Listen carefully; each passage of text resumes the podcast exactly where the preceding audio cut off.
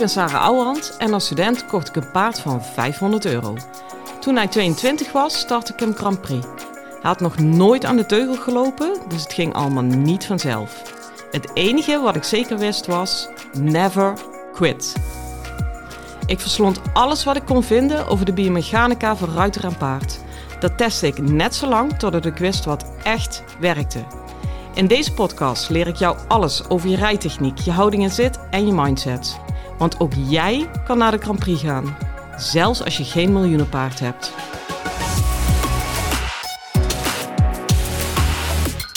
Hi lieve paardmensen. Nou, ik ben een keer niet aan het einde van de dag, uh, maar op de helft van de dag met jullie bezig. Normaal sluit ik altijd uh, met jullie af, maar ik ga vanavond uit eten vanwege ons tienjarig huwelijksjubileum. Dus ja, laat dat nou een moment zijn waarop ik denk van, moi, dan ga ik een keer geen podcast opnemen. Uh, en niet in de laatste plaats omdat ik nu al iets heel erg leuks heb te, te vertellen. Namelijk, uh, ik heb net Jeroen Dubbeldam gesproken.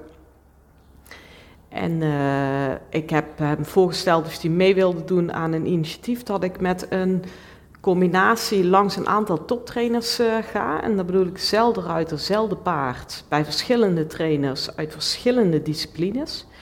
Wat ik daar namelijk goud aan vind, is dat dat meteen een hoop geouwe hoer ondervangt over ja, dat kun je niet wel zeggen, maar bij mijn paard is het anders. Of bij die ruiter moet het zus. Of bij zus, uh, Pietje moet het zo. Weet je, er zijn altijd dan algemene uitspraken. En dan gaat iedereen allemaal vertellen waarom het bij welk paard, uh, of bij iedere paard of iedere ruiter allemaal zo heel veel anders moet zijn.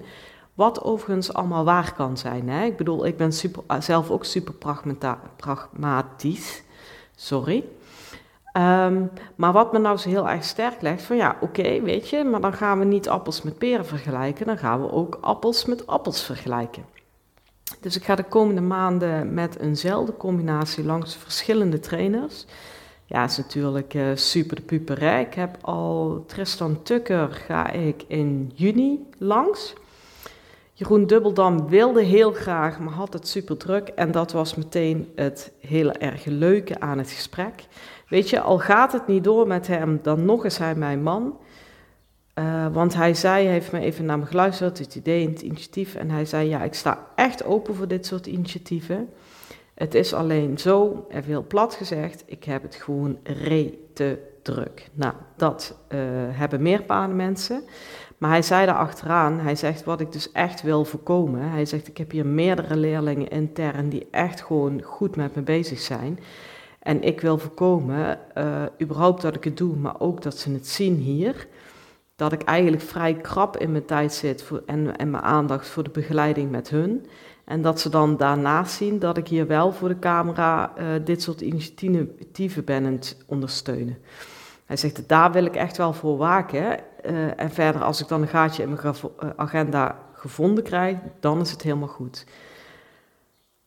Ik ga er spontaan verzuchten. Alleen al dat deze man dat gewoon nog noteert van ja, maar er moet oprechte aandacht zijn voor mijn leerlingen.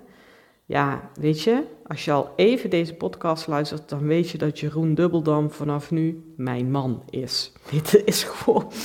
Ik ben tien jaar bij de ene vandaag, maar uh, een halve dag bij de andere. Want dit is echt. Uh, heb ik ook meteen gezegd tegen hem. Ik zeg, ja, weet je Jeroen, dit siert je alleen maar. Alsjeblieft, hou eraan vast. Als dat betekent dat onze afspraak niet doorgaat. Ik stuur nog een bos bloemen na. Maar dit is gewoon waar het over moet gaan. Ik zie te vaak, met name de grote namen, die dan verder groeien. En ik ben er heel eerlijk in. Ik moet er inmiddels met mijn huidige agenda ook al voor gaan waken. Dat de drukte de aandacht niet op gaat slokken. Want dan staan ze op zich uiteindelijk nog steeds wel in de baan, maar dan voel je dat ze er niet meer echt zijn. En uh, dat is voor mij zelf ook altijd het grote keerpunt wanneer ik zeg nee, tot hier en niet verder in mijn planning. Uh, ik kan mezelf gruwelijk voorbij lopen. Uh, ik kan mezelf echt tot het maximale duwen qua planning. Maar als ik ook maar merk dat daar één minuut aandacht verslapte in mijn les tegenover staat, ja, dan trek ik acute stekker eruit. Dat is voor mij, en eigenlijk is dat niet Op persoonlijk vlak denk ik ja, dus dat werk, eh, de kwaliteit van het werk gaat nog voor op mijn eigen welzijn. Klinkt een beetje zwaar, maar ja, af en toe lig ik ook echt wel op apengapen naar die clinics. Maar ja, dat is wel wat, ik met mijn werk. Ja, weet je, het gaat om aandacht. Ik vraag voor jou maximale aandacht in je rijen, in je proces en ook gewoon in de afspraken met mij. Dan krijg je hem ook van mij terug. En dat is ook de enige manier waarop je een betere ruiter wordt. Nou, dus Jeroen, joepie joepie, dankjewel voor het lekkere moment van deze dag. En dan vind ik het met name fijn, en hebben we het over wereldkampioen, die zit pas echt tot de nok toe vol. Dat hij daar nog steeds zo in staat. Ja, dat, dat, het geeft een burger moed, want soms uh, zie je mensen groeien en dan raak je ze gewoon kwijt. En dat vind ik eeuwig zonde. Maar goed, eventjes over naar de orde van de dag. Um, ik ga dadelijk zelf rijden en ik dacht, weet je wat ik eens ga doen? En dan ga ik jullie meteen helemaal in meenemen. Ik ga weer eens werken aan de eenvoudige wissel. En dat is bij mij, ja, ik kan me echt niet herinneren wanneer ik hem voor het laatst heb gereden, want ik spring gewoon vliegende wissels. En juist daarom ga ik het weer doen. Um, en ik zat net dan meteen ook over die oefening na te denken. Toen dacht ik, ja, ik, ik weet dat veel mensen hem moeilijk vinden en um, ja, daar geen hele hoge punten voor hebben in de ring. Toen dacht ik, ja, weet je, zo moeilijk is die eigenlijk niet, puur technisch gezien. Wat hem moeilijk maakt, is dat je hier echt ultieme controle in moet hebben. En dan controle zonder dat het spanning is. En dat is moeilijk. Want op het moment dat je in dat stapstuk daartussen je controle pakt op spanning, val je in de stap meteen door de mand. Daarom ben ik ook uh, zo'n voorstander van staptrainingen. Uh, dat lijkt suf en saai, het is alles behalve, want je valt op alle vlakken acuut door de mand als er iets niet klopt. Maar dat is hierin dus ook weer. Een eenvoudige wissel voor mij het spannendste stukje, en ik denk met mij uh, de hele hippies wereld, is de stap daartussen. Want wat je eigenlijk van een paard vraagt in die galop daar naartoe, wil je ultiem sluiten, want anders kan die geen overgang maken van de glop naar de stap. En uh, daarna, na die overgang, vraag je ook, wil je ultiem loslaten? Want Anders heb je geen schwung in de stap. Ja, en die hele snelle wisseling en dat het ook nog maar, wat is het, hou me te goede, vier, vijf stappassen is. Misschien nog wel iets minder. Ik heb, je ziet het, ik heb het echt al lang niet meer gereden. Um, dat maakt ook nog dat de ruiter al denkt, en paard uiteraard, ook van oeh ja, dadelijk gaan we weer. Dus het is nog moeilijk om dat, dat tussenstuk even los te laten. Nou, precies daarom ga ik hem dadelijk doen. En um, ik dacht, ik neem jullie mee in de tips die ik daarin heb, want het, het kan nog wel eens heel fijn zijn. Kijk, wat er gebeurt. Nee, ik moet even één stap terug. Ik wil te veel zeggen, daar heb ik ook wel eens last van, zeker in mijn lessen. Ik ga even uit van de situatie dat je de eenvoudige wissel uh, dat het probleem daarin ontstaat, wat 90% van de tijd gebeurt, dat er spanning op de stap tussenin zit. En als je dat helemaal in een uiterste hebt, dat die er tussenin dribbelt. Oké? Alle andere fouten of dingen, die wil ik gerust van je bespreken, maar gooi die dan even in de show notes en neemt die een volgende keer mee. Uh, maar ik ga even uit van dit probleem. Nou, dan is bij mij altijd meteen de eerste vraag, ja, waar begint dit probleem. En dat is vaak niet in de stap zelf, maar in de overgang daarnaartoe. En dan ga ik het toch weer hebben over die romp, die ribbenkast. Kijk, schwung in een stap is dat die ribben de romp van een paard en daardoor natuurlijk ook het bekken en de hele rattenplan die eraan vasthangt. Maar voor mij even die romp dat die gewoon goed van links naar rechts ja, roteert, zwaait, schommelt. Ja? Het is dus geen waggelen, maar je snapt wat ik bedoel. Hè? Ik kan hem ook omdraaien. Op het moment dat een paard zijn ribbenkas vastzet, heb je een strakke, korte stap. En op het moment dat hij zijn vastzet aan één kant, heb je kort-lang in de stap. Dat is even heel simpel. Dus is het zaak om op dat middenstuk te zorgen dat die ribben, zowel links als rechts, zacht zijn. Nou, hoe voel je of die zacht zijn? Of je invloed hebt met je linkerbeen. Dus als je gewoon zachtjes met je linkerbeen komt, of die dan een beetje zijwaarts gaat voor je linkerbeen. En uiteraard hetzelfde voor je rechterbeen. Bij zachte ribben heb je meteen invloed daarop. Bij strakke gespannen ribben gebeurt er geen sodiennis. Dat is een beetje het peetpunt. Als je nou kijkt naar die overgang naar die stap toe, dus je rijdt uh, op een rechte lijn glop, dat is al moeilijk.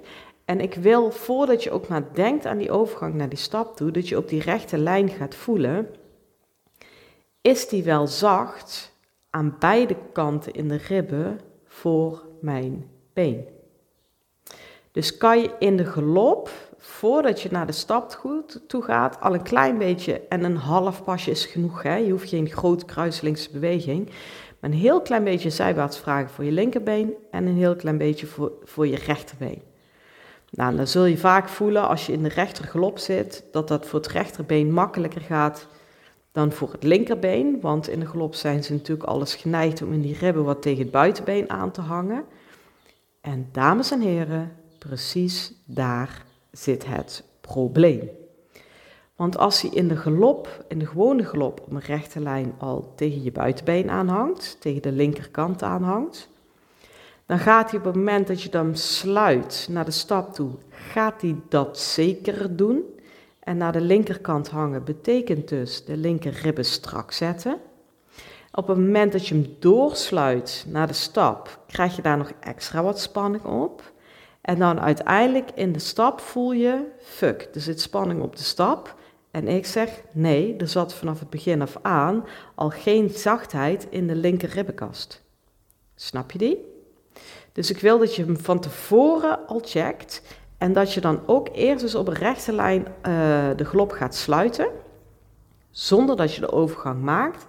En daarin voelt, kan ik in dat sluiten een beetje wijken voor mijn linkerbeen en voor mijn rechterbeen. Dus hou ik ultieme invloed op die ribben, waardoor ik, als ik die overgang maak, daarna schwung heb in de stap. Nou, als je hem van tevoren in de gewone galop niet hebt, als je hem van tevoren in het sluiten van de galop niet hebt, dan pak maar in met je overgang. Rij hem dan ook niet, want je bent je paard dan alleen maar de verkeerde dingen aan het leren. En dan krijg je dus dat voorgeprogrammeerde gedrag van dribbelen uh, in een eenvoudige wissel. Ja? Nou, als je dan dit goed hebt voorbereid, natuurlijk moet je op een gegeven moment wel een keer de stap maken tussen uh, wel een keer die overgang maken. Nou, dan heb je altijd zo'n zo'n zone dat hij dan toch nog een klein beetje er uh, tussenin valt. En, uh, of er tegenaan valt, bedoel ik. En dan moet je het in de stap op gaan lossen. En dat doe je eigenlijk niet anders dan dat ik je nu heb verteld, wat mij betreft. Hè. Um, je gaat van de galop naar de stap. Als je zorgt dat de voorwaarden vooraf oké zijn, kijk je hoeveel restje spanning zit er in de stap nog. En de beste vraag is, op welke ribbenzijde tegen welk been aan spant hij het meeste? En dan ga je in de stap na de glop klein beetje wijken en misschien bij veel spanning klein beetje veel wijken voor je linker of je rechterbeen of afwisselend. Dat moet je een beetje invoelen en handig in zijn. Nou, en als je via dat zijwaartse dan weer wat ruimte in de past hebt en de rust en de gelatenheid, dan kan je pas weer aanspringen. En ook dan bij het aanspringen let je op dat hij niet tegen je buitenbeen aanspant. Maar het spannendste stuk zit meestal in het er naartoe galopperen. En um, het, de, de stap daarna. Dus daarom zeg ik het je zo. En natuurlijk, in het begin is het echt niet oh ja, twee pasjes wijken links, twee pasjes rechts en ik spring weer aan. Je hebt daar veel langer voor nodig, misschien wel vijf minuten, om alle spanning en alle eruit weg te werken en alle ontspanning op te halen. Maar dan doe je dat dus vijf minuten. En je zult merken dat die vijf minuten worden vanzelf vier minuten, drie minuten, één minuut. En dat ga je verkleinen weer naar 30 stappen, 20 stappen, 10 stappen. En ja, dit is monnikenwerk. En dat is nou precies waarom ik zo gek ben op een staptraining. En denk ik het gros van de ruiters het, ja, er geen aandacht of te weinig aandacht aan besteedt. Want het vraagt echt heel veel geduld, maar ook heel veel aandacht. Ehm, ik vind een staptraining qua focus en aandacht juist zwaarder dan een keer gas geven in de glop. Dus dat is, ja, weet je, ehm, pak het nou allemaal als je beter wil worden. En het is bizar hoeveel informatie je uit een staptraining haalt. Maar laat ik het nu bij die eenvoudige wissel houden. Dit is wat mij betreft hoe je die eenvoudige wissel substantieel kan verbeteren. Voor de overgang, in de overgang en na de overgang. Ehm, in combinatie met rete consequent zijn dat je gewoon niet aanspringt voordat je paard gezucht heeft. En voor sommige paarden is dat echt een extreem grote opdracht, dat weet ik. Ehm, maar ja, weet je, dan spring je de hele training niet meer aan. En de volgende ook niet en de volgende ook niet. Uh, ja, daar kan ik echt wel, ja, daar, daar ben ik gewoon super persistent in. Want je kunt dit stukje wel overslaan, maar neem nou van mij aan dat je terug kan gaat krijgen. Want als je een keer in de Grand Prix terechtkomt, dan heb je nog een veel interessantere. Dan moet je in die maximale aanspanning van de passage, moet je meteen een overgang maken naar de maximaal uitgestrekte stap. En als je dan dit stukje niet voor elkaar hebt, dan reken je dan af. Dus doe jezelf een lol, want jij en ik weten dat je gewoon in de Grand Prix terecht gaat komen. Regel het nu. En zelfs al kom je niet in de Grand Prix terecht, dan nog wil je een goed stukje dressuur rijden. Dus bouw het op deze manier goed op. Lieve luisteraars, ik breek heel even in. Op mijn accommodatie organiseer ik regelmatig workshops, trainingsdagen, masterclasses en noem het allemaal maar op. Alleen die zitten meestal al vol nog voordat ik het op de socials heb gezet. Nou, wil jij daar toch een keer bij zijn? Schrijf je dan even in voor de wachtlijst. Die link daarvan vind je in de show notes. En uh, ik stuur vanzelf alle info van alles wat ik uitvreet op mijn eigen accommodatie. Overigens ook nog meer, want ik stuur regelmatig theorie, aanvullende tips en andere ideeën. Wat ik niet stuur is spam. Dus ben daar alsjeblieft niet bang voor, want daar heb ik zelf een gloeiende hekel aan. Gaat niet gebeuren. Ehm, en wat mij heel erg leuk lijkt, is dat ik de luisteraars uit de podcast een keer live ontmoet. Dus voel je vrij om je in te schrijven. De link zit in de show notes. Hoi hoi! Nou, ik ga kijken wat ik hier zelf van ga bakken. Ik heb zelf een paard met een extreem slecht stap. Dus ik weet nu al van tevoren dat ik honderd keer meer ga stappen dan dat ik ga galopperen vandaag. Is overigens met deze temperatuur niet heel verkeerd. Uh, maar dat is dan maar zo. Ik heb dat te veroveren en ik weet dat wij daar beter van worden. En dat ik er mega veel van leer. Um, dus ja, weet je, doe jij er ook je voordeel mee. En ik wens je voor nu een hele fijne dag en veel plezier met je paard. Hoi hoi! Lieve ruiters, dit was hem weer voor vandaag. Waardeer je mijn tips? Geef me sterren op Spotify en iTunes. Dat voelt voor mij als een dankjewel. En geef je paard een knuffel van me.